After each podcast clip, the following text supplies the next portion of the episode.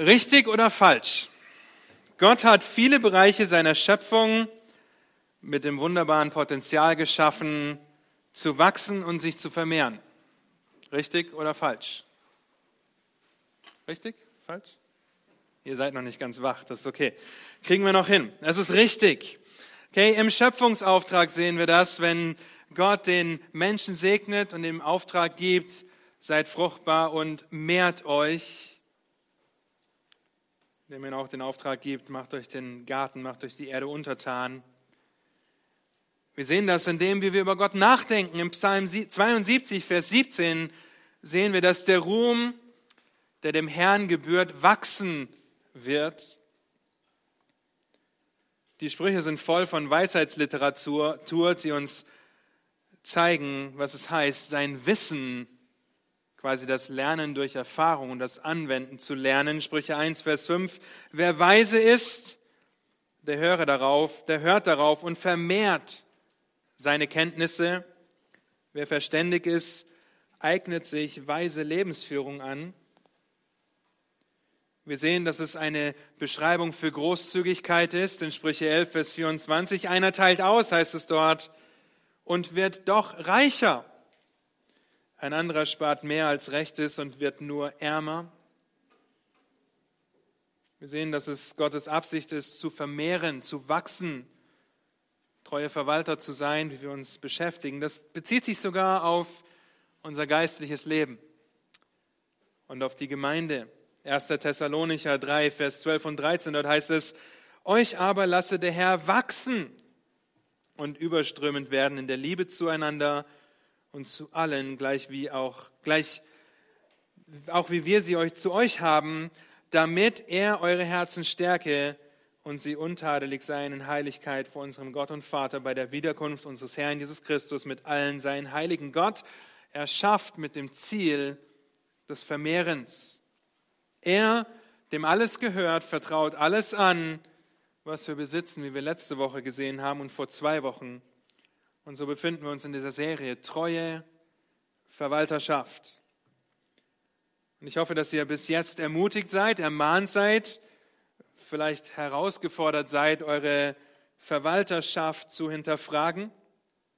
Und die vier Prinzipien, die helfen uns dabei. Die vier Prinzipien, die lauten, Gott gehört alles. Ich kann das, was Gott mir anvertraut, ah, nein, das zweite Prinzip, ich bin zu schnell heute. Gott kann mir alle, hat mir alles, was ich besitze, anvertraut. Alles, das schließt alles mit ein. Ich kann das, was Gott mir anvertraut hat, vermehren oder schmälern. Gott möchte, dass ich es vermehre, nicht schmälere. Und Gott kann jederzeit Rechenschaft von mir fordern. Es könnte heute sein. Nun, warum beschäftigen wir uns mit diesen Vier Prinzipien. Weil Verwalterschaft unser ganzes Leben umspannt. Okay, hinter Verwalterschaft steht der Gedanke, dass wir als Kinder Gottes den unsichtbaren Gott auf dieser Erde sichtbar repräsentieren, seine Botschafter, seine Verwalter sind. Es geht nicht um uns, es geht um unseren Herrn. In den letzten beiden Wochen haben wir uns mit den ersten beiden Prinzipien beschäftigt. Und letzte Woche sind wir zu dem Gleichnis in Matthäus Kapitel 25 gekommen, das Gleichnis der anvertrauten Talente, wie den Sklaven eine beträchtliche Summe anvertraut wurde. Und heute wollen wir uns mit vier Gedanken beschäftigen, die uns dabei helfen sollen, das von Gott anvertraute zu mehren. Denn Gott will, dass ich es vermehre und nicht schmälere. Bitte schlagt auf Matthäus Kapitel 25. Wir möchten Gottes Wort lesen, die Verse 14 bis 30. Gottes Wort sagt, denn es ist wie bei einem Menschen, der außer Landes reisen wollte, seine Sklaven rief und ihnen seine Güter übergab. Dem einen gab er fünf Talente, dem anderen zwei, dem dritten eins, jedem nach seiner Kraft und er reiste ab. Sogleich ging der hin, welcher fünf Talente empfangen hatte, handelte mit ihnen und gewann fünf weitere Talente. Und ebenso der, welcher die zwei Talente empfangen hatte, auch er gewann zwei weitere. Aber der, welcher das eine empfangen hatte, ging hin, grub die Erde auf und verbarg das Geld seines Herrn. Nach langer Zeit aber kommt der Herr dieser Sklaven und hält Abrechnung mit ihnen. Und es trat der hinzu, der die fünf Talente empfangen hatte, brachte noch fünf weitere Talente herzu und sprach, Herr, du hast mir fünf Talente übergeben, siehe, ich habe mit ihnen fünf weitere Talente gewonnen. Da sagte der Herr zu ihm, recht so, du guter und treuer Sklave, du bist über wenigem treu gewesen, ich will dich über vieles setzen, geh ein zur Freude deines Herrn. Und es trat auch der hinzu, der die zwei Talente empfangen hatte und sprach, Herr, du hast mir zwei Talente übergeben, siehe, ich habe mit ihnen zwei weitere Talente gewonnen. Sein Herr sagte zu ihm, recht so, du guter und treuer Sklave, du bist über wenigem treu gewesen, ich will dich über vieles setzen, geh ein zur Freude deines Herrn. Da trat auch der hinzu, der das eine Talent empfangen hatte und sprach, Herr, ich kannte dich, dass du ein harter Mann bist. Du erntest, wo du nicht gesät und sammelst, wo du nicht ausgestreut hast. Und ich fürchtete mich, ging hin und verbarg das eine Talent in der Erde. Siehe, da hast du das deine. Aber sein Herr antwortete und sprach zu ihm, du böser und fauler Knecht, wusstest du, dass ich ernte, wo ich nicht gesät und sammle, wo ich nicht ausgestreut habe, dann hättest du mein Geld in Wechseln bringen können, so hätte ich dabei, hätte ich bei meinem Kommen das meine mit Zinsen zurückgehalten. Darum nehmt ihm das Talent weg und gebt es dem, der zehn Talente hat, denn wer hat, dem wird gegeben werden, damit er Überfluss hat, von dem aber, der nicht hat, wird auch das genommen, was er hat, und den unnützen Sklaven werft aus in die äußerste Finsternis, Dort wird Heulen und Zähneknirschen sein, so weit. Gottes Wort, lasst mich beten. Und dann wollen wir uns mit diesen vier Gedanken beschäftigen, die wir in unserem Text finden. Treuer Gott und Vater, habt du Dank dafür, dass du uns dein Wort gibst, dass wir in deinem Wort lernen dürfen, sehen dürfen, wie wir wachsen, wie wir zu treuen Verwaltern werden. Und so gebrauchst du diese Zeit jetzt, dass du uns herausforderst, dass wir uns prüfen, und dass du uns zeigst auch, wie wir es meinen, wenn wir uns darum drehen und bemühen, herauszufinden, was es heißt, das uns Anvertraute zu mehren. Amen. Wenn wir dieses Gleichnis lesen, und ich hoffe, ihr habt das in der vergangenen Woche häufig gemacht, als ihr euch eine Liste mit 50 Dingen überlegt habt, dann sollten wir uns die Frage stellen, welcher der drei Sklaven bin ich? Beziehungsweise kann es sein, dass ich mich wie der Dritte verhalte? Strebe ich danach, die Worte zu hören, recht so, du guter und treuer Knecht? Oder trifft Vers 30 vielleicht auf dich zu, wenn du ungläubig bist, indem du sagst oder indem der Herr zu dir sagen wird, du fauler und böser Knecht? Nun, wir können uns dennoch wie der dritte Sklave verhalten, aber vorweg ist dieser dritte Sklave in unserem Gleichnis, und es ist ein Gleichnis, handelt es sich bei diesem dritten Sklaven um einen Ungläubigen, der in die äußerste Finsternis geworfen wird, wie wir in Vers 30 sehen, außerhalb des Einflussbereichs des Herrn. Es gibt einige Ausleger, die sagen, okay, hier handelt es sich um einen Gläubigen, weil er ist ja ein Sklave seines Herrn.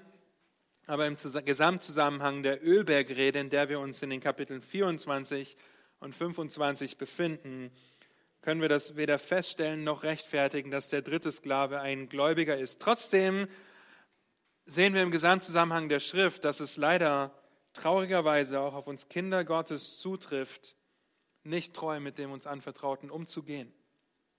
Das heißt, wir können uns genauso die ernsthafte Frage stellen, ob wir Recht so hören wollen oder ob wir uns schämen müssen, weil wir wie durchs Feuer gerettet und mit Scham ins Himmelreich eingehen. Dazu nächste Woche mehr, wenn wir uns mit dem vierten Prinzip beschäftigen.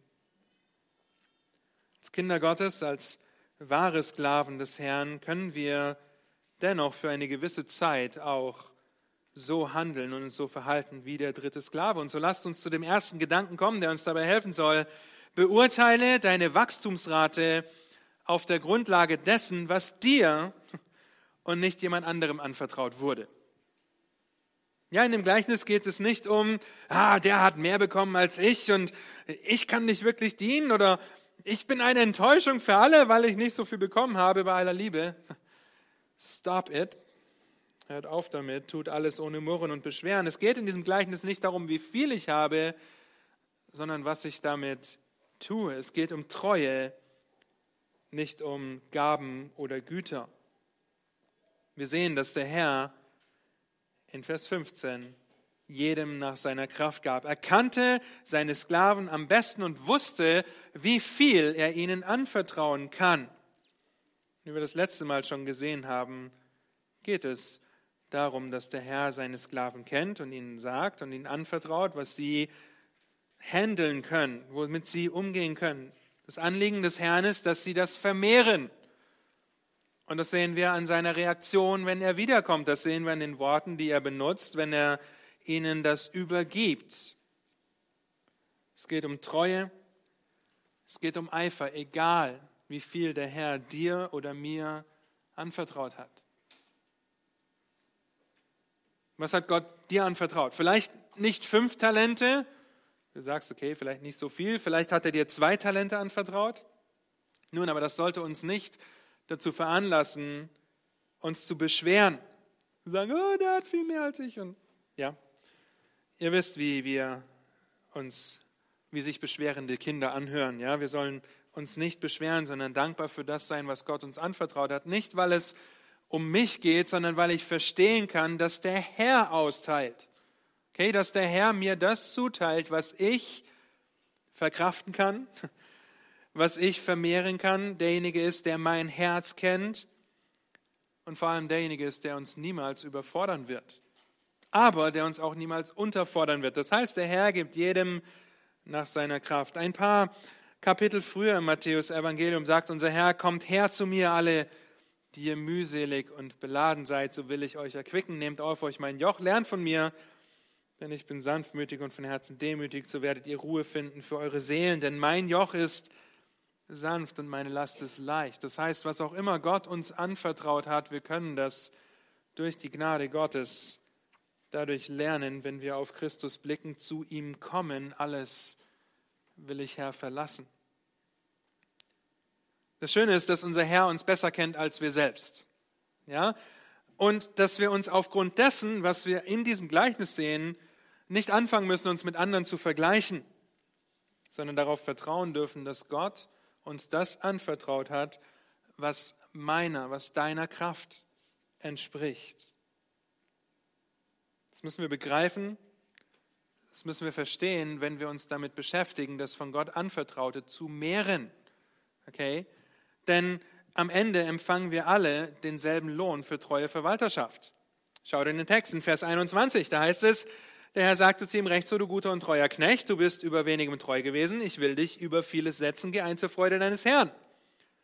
Das ist der Sklave, der aus fünf Talenten zehn Talente gemacht hat. In Vers 23 spricht er zu dem Sklaven, der aus zwei Talenten vier gemacht hat und angemerkt sei, dass die Gewinnspanne dieselbe ist bei beiden Sklaven.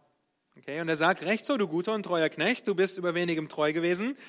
Ich will dich über vieles setzen, geh ein zur Freude deines Herrn. Hört sich irgendwie gleich an, oder nicht? Ja, weil es nicht darum geht, wie viel uns anvertraut wurde, sondern ob wir treu und wie treu wir damit umgegangen sind. Und so können wir darüber nachdenken, wie wir das, was Gott uns anvertraut hat, und wenn wir an das zweite Prinzip denken, hat Gott uns alles anvertraut, was wir besitzen, ob wir das vermehren oder ob wir es schmälern. Jetzt denkst du vielleicht, hä, wie meinst du das? Was heißt vermehren und was heißt schmälern?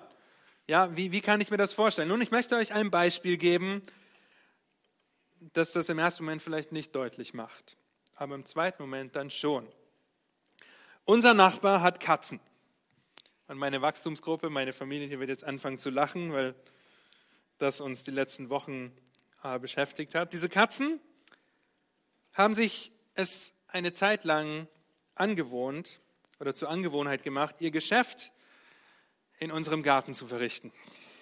Okay? Ihr könnt euch vorstellen, dass ich jeden Morgen freudestrahlend das Haus verlassen habe, weil ich mich schon auf diesen beißenden Geruch in meiner Nase gefreut habe. Nun, sicher nicht. So wie der so wie der Geruch dieser Hinterlassenschaften in meine Nase kam oder ich nur eine Katze gesehen habe auf unserem Grundstück, haben, bin ich wütend geworden und haben sich meine Gedanken umsonst was gedreht, was ich alles mit den Hinterlassenschaften oder den Katzen tun könnte. Nun hier die Frage. Wenn Gott mir alles, was ich besitze, alles, was ich habe, was mir passiert, wenn er mir alles anvertraut hat, was gehört dazu? Mein Garten, die Katzen, der Nachbar, die Hinterlassenschaften.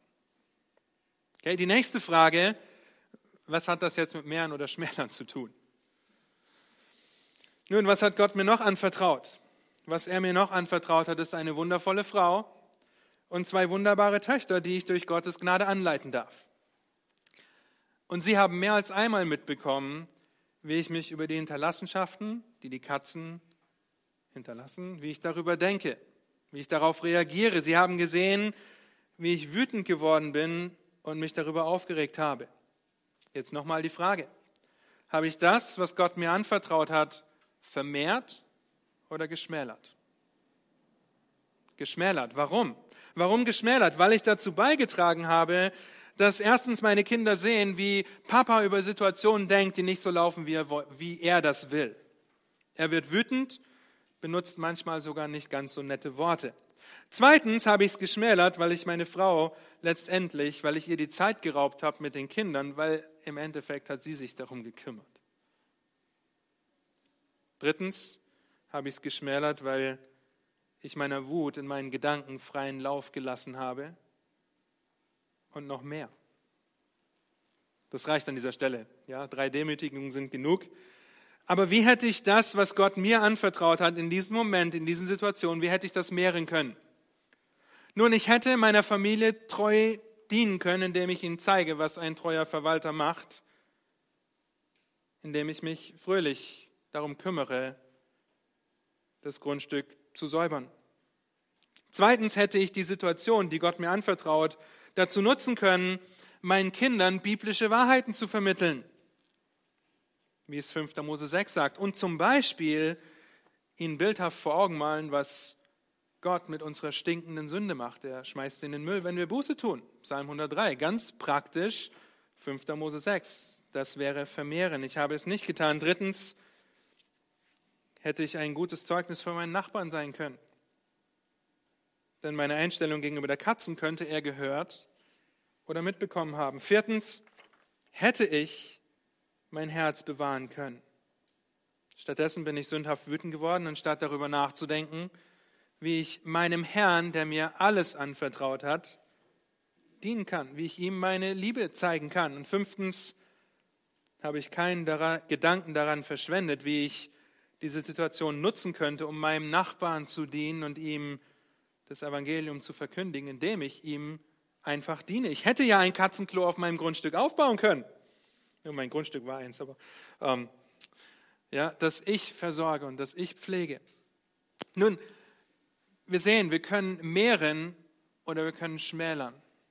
Okay? Und wir können das in jeder Situation tun. Das war nur ein Beispiel aus meinem Leben, in meiner Situation. Stellen wir aber die Frage der Ermahnung der letzten Woche.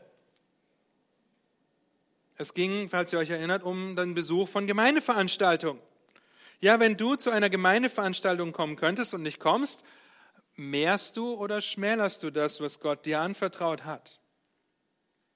Und an dieser Stelle will ich nochmal klarstellen, ja, was sich letzte Woche vielleicht nicht richtig an oder vielleicht nicht richtig ergeben hat, dass Bücher, Podcasts, Predigten und so weiter sehr, sehr wertvoll sind und dass wir ein Privileg und Vorrecht haben, in einer Zeit zu leben, wo wir einfach unser Smartphone rausholen können und uns die Welt guter Predigten offen steht.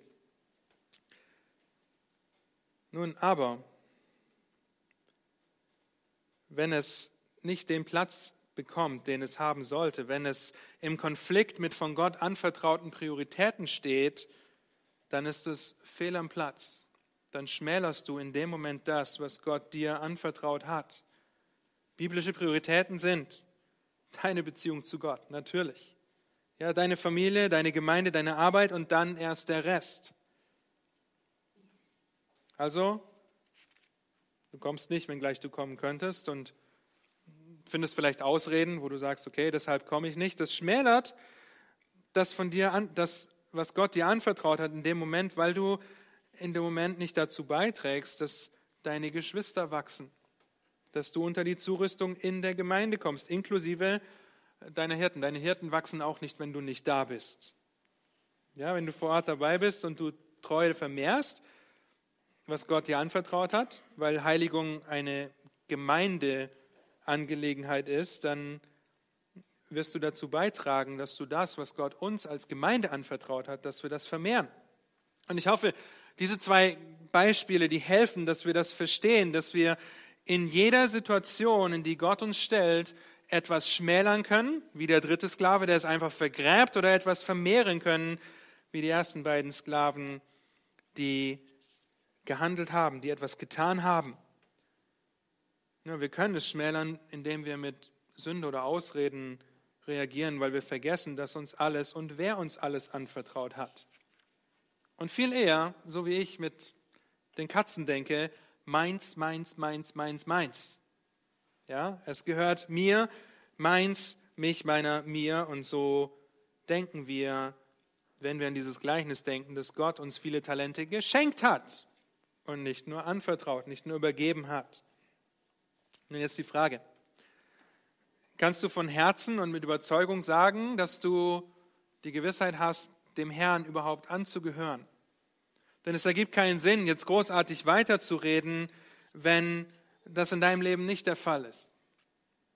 Wenn du zu 100 Prozent und definitiv zu diesem dritten Sklaven kommst, der noch nie sein Leben betrachtet hat und zu dem Schluss gekommen ist, ich kann nichts dazu beibringen, dass Gott mich auch auf irgendeine Art und Weise nur annehmen könnte. Es ist einzig und allein durch den Tod und die Auferstehung Jesu Christi an meiner Stadt, dass ich das kann.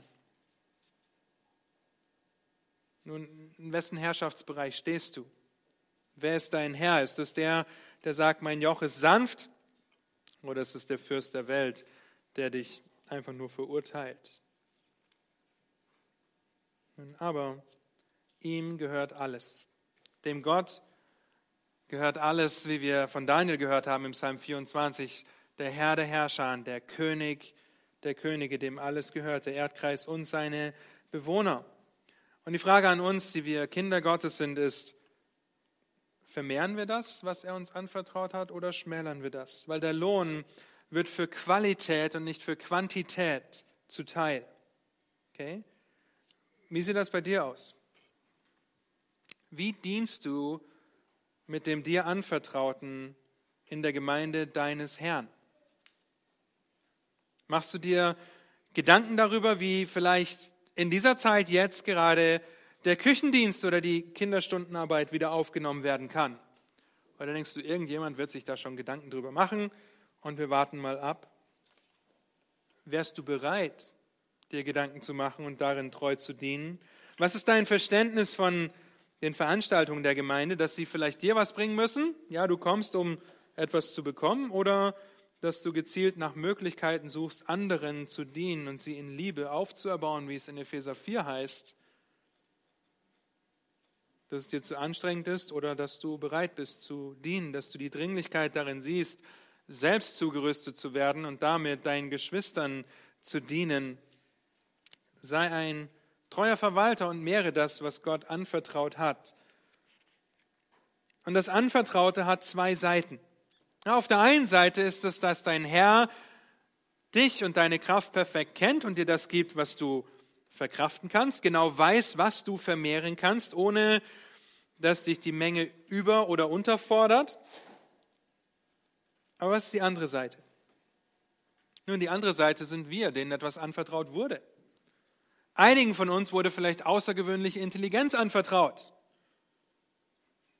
Anderen vielleicht die Fähigkeit, durch ihre Kreativität alles Mögliche zu basteln oder sich alles Mögliche zu erdenken.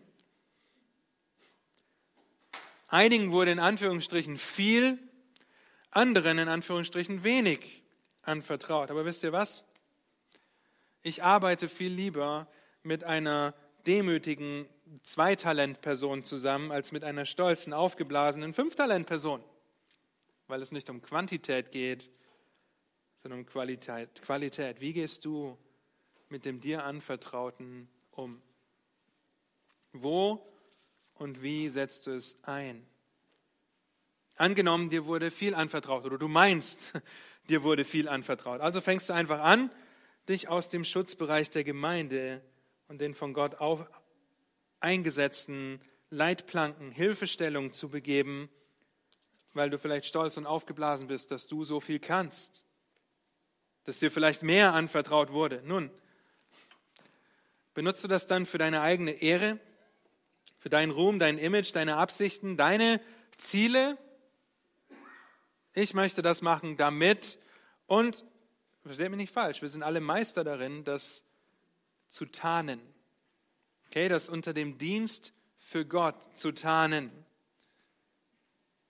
Wenn du das tust, dich außerhalb dieses Bereiches befindest, dann verhältst du dich bei aller Liebe wie der dritte Sklave, der sein Talent vergräbt, es schmälert, was Gott anvertraut hat.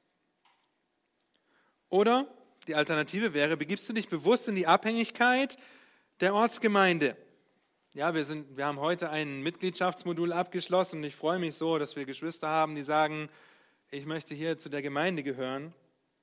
Ja, gebe ich mich bewusst in die Abhängigkeit der Ortsgemeinde, was auch die Hirten, die Diakone und so weiter, die Geschwister mit beinhaltet, um zu lernen, um zu prüfen, um geprüft zu werden, um zu lernen, wie ich treu mit dem umgehen kann, was mir anvertraut wurde und wie ich es mehren kann. Wir können diese Frage stellen und wir können sie einander stellen und können uns einander anspornen zu Liebe und zu guten Werken, wie es in Hebräer Kapitel 10 heißt.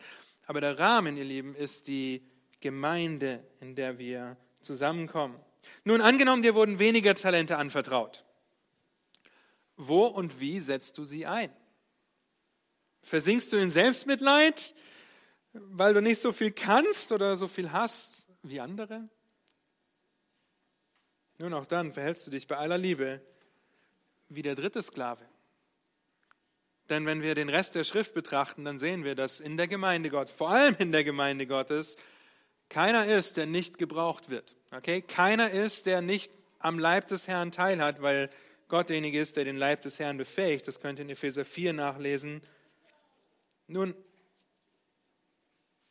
dann befindest du dich vielleicht auch in dem Rahmen, wo du sagst, okay, mir wurde wenig anvertraut, ich kann nicht so viel, dass du sagst, Ausreden dafür findest, warum du jetzt das und das nicht tun kannst, wie der dritte Sklave das gemacht hat, der fauler, der faule Sklave, der lauter Ausreden findet und der es nicht mehrt. Oder bist du treu in dem wenigen, was dir anvertraut wurde? Und wenn das heißt, treu nach einem Job zu suchen, wenn das heißt, treu in der Gemeinde im Hintergrund zu dienen oder andere zu fragen, weil du Dinge häufiger nicht verstehst.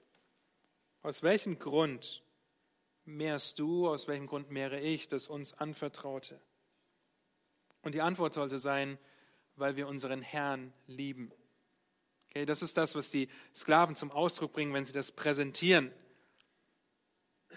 Und deshalb fang nicht an, dich mit anderen zu vergleichen. Denn das wird entweder Selbstmitleid und Passivität. Moment.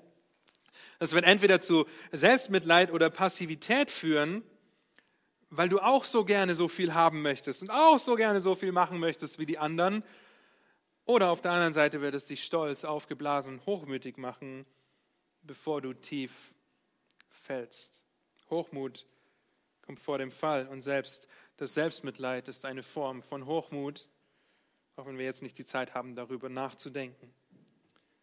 Ihr Lieben, es ist nicht vernünftig, sich mit anderen zu vergleichen, weil wir nicht, weil unsere Treue nicht anhand dessen gemessen wird, wie treu andere damit umgegangen sind, was Gott ihnen anvertraut hat, sondern an der, an der Treue, die wir mit dem uns Anvertrauten an den Tag legen. Ja, und Paulus bringt das in 2. Korinther 10, Vers 12 zum Ausdruck, wenn er sagt, denn wir wagen es nicht, uns denen zuzurechnen oder gleichzustellen, die sich selbst empfehlen. Sie aber sind unverständig, indem sie sich an sich selbst messen und sich mit sich selbst vergleichen. Also sie vergleichen sich gegenseitig und messen sich daran und definieren anhand dessen, was sie besser machen als andere. Ja, ich angenommen, ich würde jetzt anfangen, mich anhand dessen zu definieren, was ich besser mache, als denkt euch einen Namen aus. Okay? Ihr Lieben, wir sollen nicht unverständlich sein, dass wir denken, es geht darum, uns mit anderen zu vergleichen, sondern letztendlich geht es darum, uns als treu zu erweisen, indem wir das, was Gott uns anvertraut hat, in einem biblischen Rahmen vermehren. Und es ist nicht nur das Geld, das uns anvertraut wird was wir jetzt hier vielleicht denken könnten, sondern jede Situation. Und ich hoffe, das ist deutlich geworden. Jede Situation, die Gott in dein Leben stellt, jede Gabe, mit der er dich begabt hat, jede Art an Persönlichkeit, die er dir gegeben hat, mit der er dich geschaffen hat, jede Situation, in der du dich fragen kannst, bin ich ein treuer Verwalter oder nicht? Meine Familie, bin ich ein treuer Verwalter? Meine ungehorsamen Kinder, bin ich ein treuer Verwalter oder sage ich, ja, meine Kinder sind schuld, dass ich wütend werde. Wenn die machen würden, was ich sage, dann könnte ich sie ja treu verwalten. Nun, eine Ausrede. Vielleicht meine nervigen Arbeitskollegen, der Zeitdruck bei der Arbeit, die Erschöpfung am Abend, die lauten Nachbarn, die nörgelnde Ehefrau, der passive Ehemann, aber auch die Gnadengabe, die Gott dir gegeben hat und deine natürlichen Begabungen, vermehrst du das als treuer Verwalter oder schmälerst du das? Misst du dich an dem, wie treu du mit dem umgehst oder misst du dich an dem, wie treu andere mit dem umgehen, was sie haben, was du nicht hast? Ja, vergleiche dich nicht mit anderen. Und wenn ihr die Broschüre, wenn ihr in die Broschüre schaut, ich hoffe, ihr geht diese Broschüre durch. Ich habe sie jetzt, habe ich sie hier? Nein, ich habe sie nicht hier ja, dann findet ihr an Tag 5 eine Tabelle, anhand der ihr überlegen könnt, okay, wie, wie kann ich das, was mir anvertraut wurde, zum geistlichen Vorteil anderer nutzen? Wie kann ich anderen damit dienen? Denn wir sind ein Leib, den Gott auf wunderbare Weise so zusammengestellt hat, dass er, dass der eine nicht ohne den anderen kann. Ja, und wir haben in der letzten Woche viele solche kleinen Situationen erlebt. Der Leib kann nicht ohne ein anderes Körperteil existieren. Nun, wie können wir treu sein in dem Geringen, was Gott uns anvertraut hat? Der zweite Gedanke. Lebe mit einer Einstellung der Dringlichkeit. Und diese Punkte sind kürzer. Wenn ihr jetzt auf die Uhr schaut und denkt, uh, ja, das ist weniger. Der erste Punkt ist nur sehr wichtig, dass wir verstehen, was wir überhaupt meinen, wenn wir davon reden, zu mehren oder zu schmälern. Nun, das letzte Mal haben wir schon gesehen, dass die ersten beiden Sklaven sofort loszogen, Vers 16. Und dass ihnen Anvertraute investierten, zu mehren. Sofort bedeutet im Griechischen sofort. Okay, sogleich, auf der Stelle, ohne zu zögern, sind sie losgezogen und wenn ihr ein paar Seiten zurückblättert an den Anfang des Matthäusevangeliums, dann findet ihr in Kapitel 4 die Versuchung Jesu und danach die Berufung der ersten Jünger. Kapitel 4 können wir sehen, was die Einstellung der Berufenen waren. In Vers 20 und Vers 22, da heißt es, da verließen sie sogleich die Netze und folgten ihm nach. Jesus ruft sie, sie verließen sogleich oder sofort die Netze und folgten ihm nach. Und Vers 22, der nächste Trupp an Jüngern, da verließen sie sofort das Schiff und ihren Vater und folgten ihm nach. Kennzeichnet das uns? Leben wir mit dieser Einstellung der Dringlichkeit, wenn es darum geht, zu mehren oder zu schmälern? Sehen wir die Dringlichkeit, Gottes Wort zu lesen, die Gemeinschaft zu haben, ins Gebet zu gehen und sind wir sofort bereit zu handeln und die Situation und die Zeiten bewusst anzugehen, die Gott uns anvertraut hat? Bin ich sofort bereit zu handeln, Buße zu tun, wenn mich jemand darauf konfrontiert, wie wütend ich auf die Katzen meines Nachbarn werde? Bin ich sofort bereit zu handeln und darüber nachzudenken, wie ich mein nächstes Jahr planen möchte als treuer Verwalter, wenn ich genau weiß, hier sind drei Bereiche, wo ich das nicht bin. Ich bin geizig mit meinem Geld. Ich bin wütend auf was weiß ich wen. Und ich gehe selbstsüchtig mit meiner Zeit um. Wie kann ich ein treuerer Verwalter dessen sein? Gehe ich sofort daran? Sofort, wenn ich etwas sehe, oder denke ich, ach, dazu müsste ich irgendwann mal ein Buch lesen? Ja, irgendwann mal ist gefährlich. Eiferst du für den Herrn und seine Gemeinde? Suchst du nach Möglichkeiten, das dir anvertraute zu mehren? Das kann beinhalten, dass du deine Augen offen hältst nach Möglichkeiten in der Gemeinde zu dienen. Weil beim besten Willen, wir als Älteste und auch die Diakone, wir sehen nicht alles. Okay, wir sind Männer. Nein, daran liegt es nicht nur. Ja, ähm, wir sehen nicht alles. Kommt auf uns zu, wenn ihr einen Blick für etwas habt, was getan werden darf und tut es in Absprache mit uns Ältesten und auch Diakonen. Das ist ein Bereich. Ein zweiter Bereich. Schließt du sofort einen Bund mit deinen Augen, wenn es um sexuelle Reinheit geht, wie es Hiob getan hat, in Hiob 31, Vers 1? Kümmerst du dich sofort um die Hinterlassenschaften der Katzen, die nicht dir gehören? Das fängt mit dem Bewusstsein an, dass Gott alles gehört und er mir alles anvertraut hat und einer Bereitschaft, sofort auf der Stelle, ohne zu zögern, alles daran zu setzen, mit dem mir anvertrauten treu umzugehen. Nicht aufgrund von Angst, nicht aufgrund von Scham oder Einschüchterung. Wenn wir lesen, dass die Sklaven, die ersten beiden, sofort loszogen, dann sehen wir, wie sie bereitwillig ihrem Herrn das Erarbeitete präsentierten. Und wir erkennen ihre Liebe und Hingabe zu ihrem Herrn. Die stolze Freude, dem guten Herrn zu dienen, ihm etwas zu präsentieren. Paulus würde es mit den, mit den Worten aus Römer 5, Vers 11 sagen, wir rühmen uns Gottes durch unseren Herrn Jesus, durch den wir jetzt die Versöhnung empfangen haben. Sie rühmen sich, dass sie für den Herrn etwas tun dürfen, dass sie das, was Gott ihnen anvertraut hat, treu verwalten dürfen. Und machst du das sofort aufgrund deiner Beziehung zu deinem guten Herrn? Und eine Herausforderung, der wir oft gegenüberstehen, ist, ja, wenn mich jemand darauf anspricht, dann mache ich das vielleicht. Nun, das ist eine Falsche Einstellung, wenn wir nicht mit offenen Augen durch die Gegend laufen. Vielleicht ist es sofort auch damit verbunden, dass du in der nächsten Woche jemanden anrufen musst, dem du gesagt hast, dass du ihm nicht helfen kannst, weil es dir vielleicht zu anstrengend ist oder andere Ausreden du dir eingeredet hast, warum du jetzt da nicht das und das machen kannst und ihn fragen darfst oder musst, ob du dein Nein noch einmal revidieren oder überdenken darfst. Hab deine Augen offen. Okay, kenne deinen Herrn, der gut ist und dir alles anvertraut, und kenne deine Mitsklaven, denen du dienen darfst, denen du deine Liebe zeigen darfst, denn das macht einen treuen Diener aus. Was sind die zwei größten Gebote unseres Herrn? Liebe Gott und liebe deinen Nächsten wie dich selbst. Wie nutzen wir die Zeit? Wie nutzen wir unsere Gedanken? Wie nutzen wir unsere Körper? Wie nutzen wir unsere Hände? Wie nutzen wir den Austausch, die Gemeinschaft in der Gemeinde, wenn wir in den Wachstumsgruppen dazu beitragen können, dass wir in den Einanderstellen wachsen, wenn wir hier im Gottesdienst wachsen können, einander die Lasten zu tragen, miteinander zu weinen, einander zu ermahnen, zu ermutigen und so weiter. Jetzt denkst du vielleicht, okay, hört sich plausibel und gut an, das bringt mich zum Nachdenken. Ich möchte mehr darüber nachdenken, was Gott mir anvertraut hat.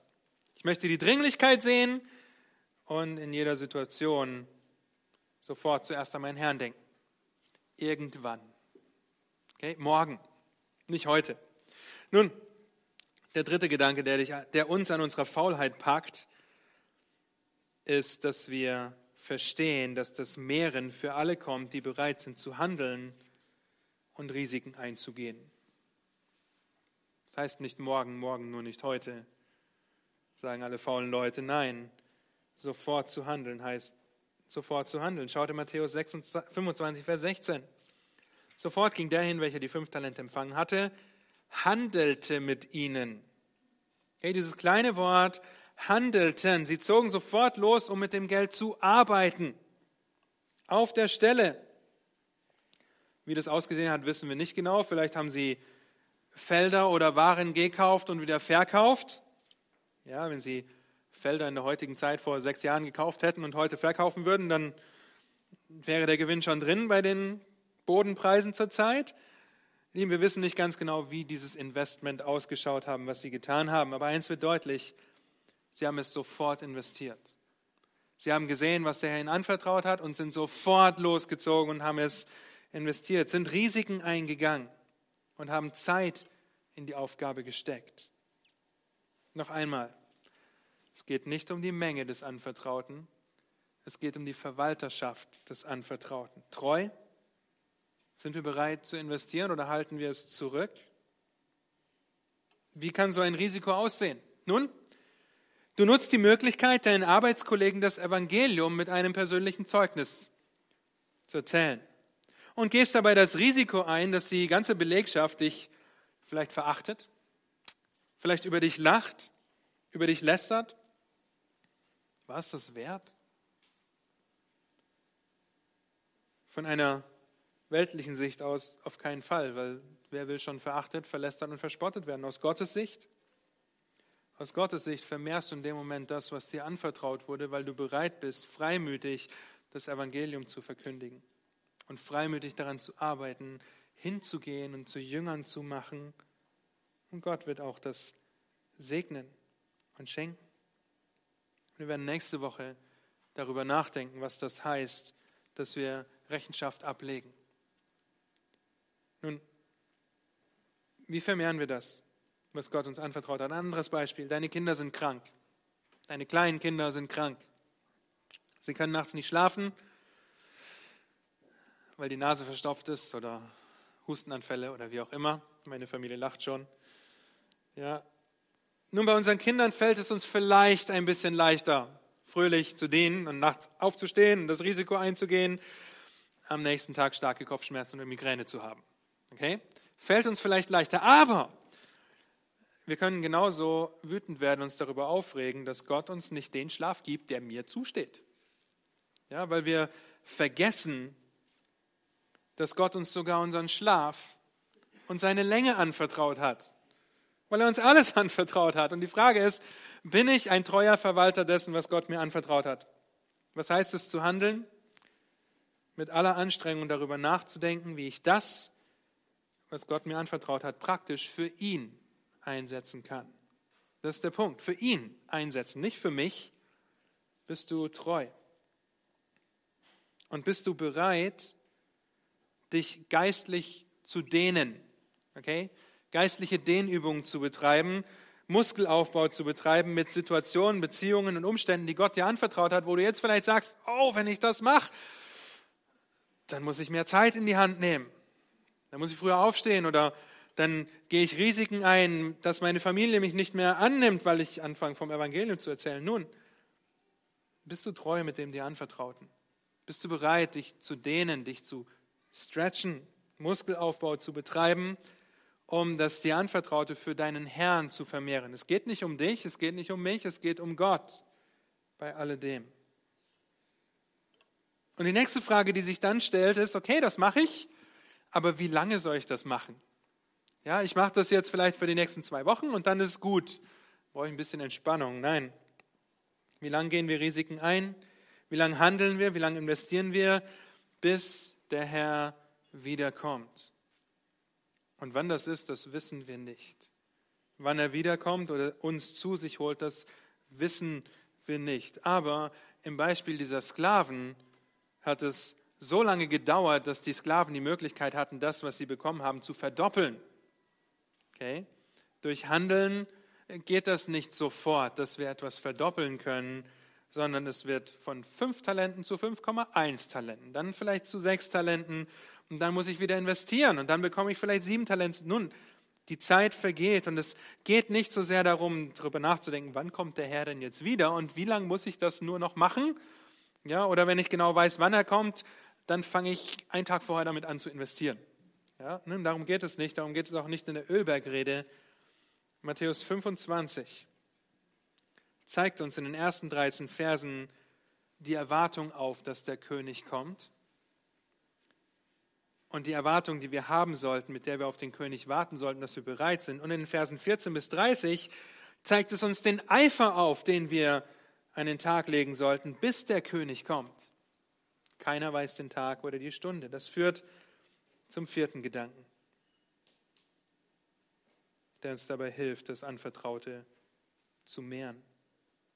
Wir eifern, bis der König kommt, weil wir die Freude erwarten, die sich aus der Rückgabe des vermehrten Anvertrauten an den Meister ergibt. Was für ein Satz. Erwarte die Freude, die sich aus der Rückgabe des vermehrten Anvertrauten an den Meister ergibt. Es ist eine Rückgabe. Der Herr vertraut an, er schenkt es nicht, dass es uns gehört, sondern er vertraut an, dass wir damit handeln. Und zwar sofort. Der komplizierte Satz lässt sich etwas einfacher ausdrücken, indem wir einfach sagen, es ist eine Freude, ein treuer Sklave zu sein. Okay, ähnlich wie der letzte Punkt letzte Woche, dass es eine Freude ist, ein Sklave Gottes zu sein. Und so fängst du an, und so fange ich an, auch durch diese Serie mehr und mehr darüber nachzudenken, wie wir alles, was wir besitzen, alles, was wir haben, alles, was wir sind, für den einzusetzen, der es uns anvertraut hat. Ja, weil es ein Privileg ist, als sein Sklave, als sein Kind zurückgeben zu dürfen, ihm zurückgeben zu dürfen, zu sehen, wie wir treu mit dem umgehen und wie er uns dafür entlohnt. Und so dürfen wir uns beständig daran erinnern, für wen wir arbeiten. Die ersten zwei treuen Sklaven geben mit funkelnden Augen das zurück, was sie empfangen haben. Ja, sie sind quasi wie kleine Kinder, die das erste Mal mit ihren eigenen Händen ein Lego-Auto zusammengebaut haben, weil du ihnen die Teile gegeben hast. Okay, Freudestrahlen kommen sie zu dir und schau her, was ich aus dem Haufen, den du mir gegeben hast, gemacht habe, ein Auto. Nun, wir arbeiten für den besten Herrn, den es gibt. Okay, wir arbeiten für den besten Herrn, den es gibt. Also er ist nicht nur unser Herr und Meister, dessen Sklaven wir sind. Die Bibel sagt auch, dass wir seine Kinder sind und damit Erben sind. Treue Verwalterschaft ist eine Einstellung, sich darüber zu freuen, etwas vermehren zu können. Nicht für mich selbst, sondern für den Nutzen und zur Ehre Gottes. Und es geht nicht nur um Geld. Es geht um jede Situation, in der ich die Möglichkeit habe, meinen Gott zu repräsentieren, ein Zeugnis zu sein für meinen Herrn, meinen Kindern das Evangelium zu verkündigen, wenn ich die Katzen in meinem Garten sehe. Ihr Lieben, wir sollen das nicht mit einer Einstellung des Murrens und des Beschwerens tun. Hier hast du das Deine zurück, ich musste ja irgendwas damit tun. Nein, wir dienen als treue Sklaven, die den Herrn lieben. Warum? Weil er uns zuerst geliebt hat. Ich kann mich aber benehmen wie der dritte Sklave in dem Moment, in dem ich sündige. Wenngleich ich die Sicherheit habe, nicht in die äußerste Finsternis geworfen zu werden, so wie der dritte Sklave. Okay, kann ich mich trotzdem so verhalten, aber vielleicht bist du auch dieser dritte Sklave, wenn du das hier hörst, wenn du das siehst, wenn du hier sitzt der das, was Gott ihm anvertraut hat, überhaupt nicht für den Herrn verwaltet, weil du nicht die Gewissheit hast oder nicht den Zeitpunkt in deinem Leben hast, wo der Herr Jesus Christus dein Herr und Retter geworden ist, weil er für dich am Kreuz gestorben und auferstanden ist. Es ist eine Freude und ein Vorrecht, sich in den Dienst des Herrn zu stellen. Deswegen die Ermutigung, wenn du das hörst, wenn du das siehst, Tue Buße und glaube dem Evangelium. Du kannst nichts dazu beitragen, dass du irgendwie gut vor deinem Herrn dastehst. Lest das Gleichnis. Er vertraut an. Ja, ich kann nichts bringen. Ein Sklave, kann nichts bringen. Sein Sohn für uns am Kreuz gegeben. Nun aber, Bruder, Schwester, wie schnell seid ihr dabei, das von Gott anvertraute zu einer persönlichen Errungenschaft zu machen? Was meine ich damit? Es ist mein Garten. Es ist meine Intelligenz. Es ist mein Hirtenamt. Es ist meine Arbeit. Es ist mein Aufwand, meine Zeit, meine Mühe und so weiter. Guckt, findet Nemo, wenn ihr das Wort meins noch nicht oft genug gehört habt, wie die Möwen sich darum streiten, falls ihr euch erinnert ja, oder eure Kinder sind schon zu alt. Aber meins, meins, meins, meins. Nun, wie schnell machen wir das uns von Gott anvertraute zu einer persönlichen Errungenschaft? Wenn Gott uns alles gegeben hat, dann beinhaltet das alles. Dann beinhaltet das, dass ich meine Hände bewegen kann. Dann beinhaltet das, dass ich gehen kann. Vielleicht, dass ich nicht gehen kann. Dann beinhaltet das, dass ich mit Kopfschmerzen kämpfe. Vielleicht nicht.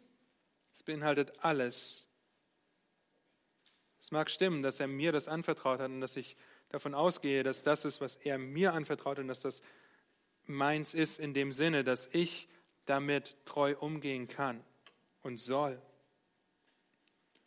Wir können uns so schnell etwas darauf einbilden oder die Talente für uns zu gebrauchen oder uns zuzuschreiben. Alles kommt von Gott. Denke nicht darüber nach, was du alles geschafft hast oder was du alles kannst, sondern denke darüber nach, dass dir das alles, was du geschafft hast und was du kannst, anvertraut wurde.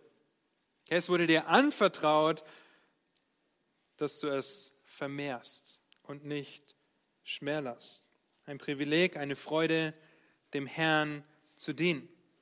In der Gewissheit, dass er kommt und seine Braut zu sich zu holen, in der Gewissheit, dass er uns vielleicht zu sich holt, bevor er uns entrückt und wir sterben. Bist du treu? Denkst du darüber nach, wie du es für den Herrn einsetzen kannst? Nun, diese vier Gedanken, die helfen uns vielleicht dabei, darüber nachzudenken, das von Gott anvertraute zu mehren. Bist du ein treuer Verwalter? Und wenn euch eine Frage von dieser Predigt hängen bleibt, dann die. Bin ich ein treuer Verwalter?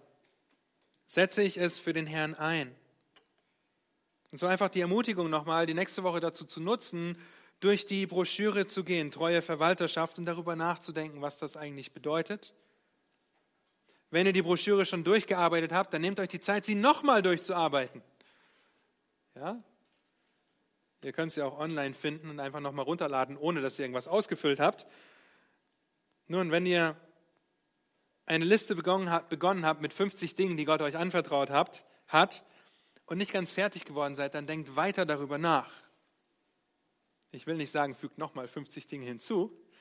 Ja, aber denkt beständig darüber nach, Gott hat mir alles, was ich habe, anvertraut und ich habe die Möglichkeit, es für ihn zu vermehren oder ich habe die Möglichkeit, es zu schmälern, so wie ich es nicht für ihn einsetze.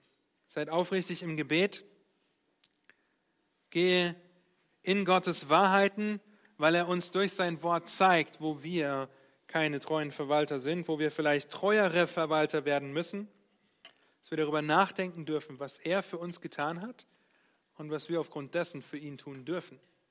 Uns in seinen Dienst stellen als seine Sklaven, die ihm die Ehre geben. Amen. Amen. Lass mich noch beten. Herr, habt Dank dafür, dass du uns alles anvertraut hast, was wir haben, dass dir alles gehört und dass wir aufgrund dessen weder Furcht noch Scham haben müssen, wenn wir deine Kinder sind, weil wir dir gehören, weil wir zu dir gehören und weil du uns die Dinge anvertraut hast, damit wir sie mehren. Ich bete, dass du jedem Einzelnen von uns, auch mir, die Weisheit gibst in der nächsten Woche, dass wir darüber nachdenken, wie wir die Situation zu deiner Ehre, zu deiner Größe, zu deiner Verherrlichung nützen können. Die Zeit, die du uns gibst, die Beziehungen, die Umstände und die Gedanken, Herr. Ich bitte auch, dass du Gnade schenkst zur Erlösung, zur Errettung, wenn sich jemand als dieser dritte Sklave identifiziert, der an sich denkt der nicht darüber nachdenkt, dass du am Kreuz für ihn gestorben bist. Ich bete, dass du Erlösung schenkst und Gnade. Ja, dass wir aber auch in der kommenden Woche darüber nachdenken dürfen, was es heißt, treue Verwalter zu sein in jeder Situation unseres Lebens, Herr. Amen.